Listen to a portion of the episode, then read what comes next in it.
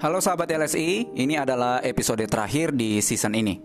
Kali ini saya akan membahas mengenai learner atau pemelajar. Topik ini adalah topik krusial mengingat LSI adalah sebuah sekolah yang membantu para pembelajar asing untuk bisa menguasai bahasa Indonesia. Definisi pembelajar adalah orang yang mempelajari sesuatu. Banyak orang berpikir bahwa belajar itu harus di sekolah, universitas, atau institusi pendidikan formal lainnya. Tentu saja pandangan ini keliru, karena sekolah, universitas, atau institusi pendidikan lainnya hanyalah alat atau media untuk belajar. Belajar itu sejatinya adalah kebutuhan dan kesenangan.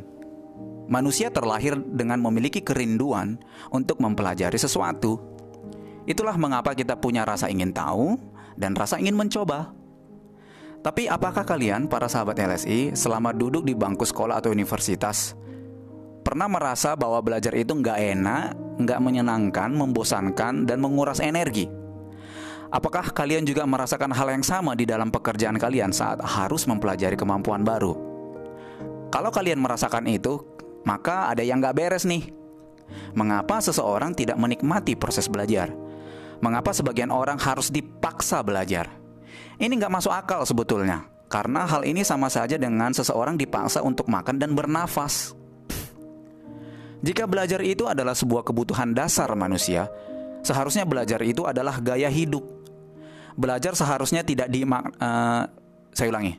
Belajar seharusnya tidak dimaknai hanya dengan perspektif sempit, yaitu duduk di dalam ruangan, dengerin seseorang yang ngoceh berjam-jam sambil menahan kebosanan demi mendapatkan ijazah atau surat rekomendasi. Orang yang berfungsi optimal di dalam hidupnya akan mencintai pengetahuan dan merupakan pemelajar sejati. Dia merasa bebas dan merdeka saat belajar, bukan terkurung dan terpenjara. Dia mencintai ilmu dan masukan. Dia mencari arti. Dia gemar membaca. Dia banyak menutup mulutnya agar agar ter uh, aduh susah banget nih sahabat ya sih. Saya ulangi sampai mana tadi. Udah kalian ketawa dulu deh. Oke. Okay. Orang yang berfungsi optimal di dalam hidupnya akan mencintai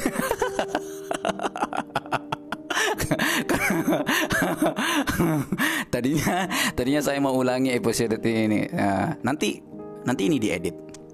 Ah enggak lah, biarin aja lah, biar kalian ketawa ya kan, biar nggak terlalu serius. Udah saya ulangi ya, pasti kalian udah nggak tahu tadi saya ngomong uh, sampai mana terakhir tadi. Oke. Okay. Orang yang berfungsi optimal di dalam hidupnya akan mencintai pengetahuan dan merupakan pembelajar sejati. Saya mau ketawa lagi.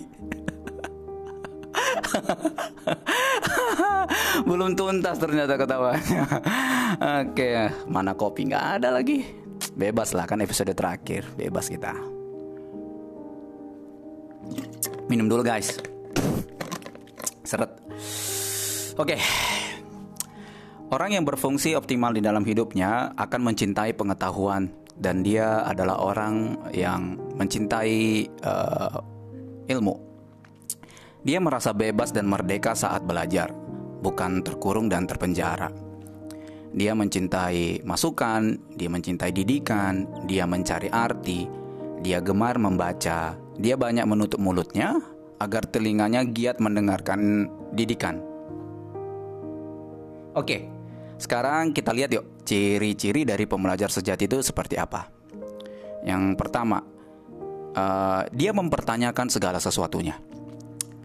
Dia tidak melakukan sesuatu karena ya udah gitu dari sananya.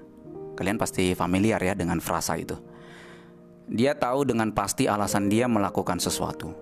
Dia dia bertanya untuk menemukan kebenaran logis.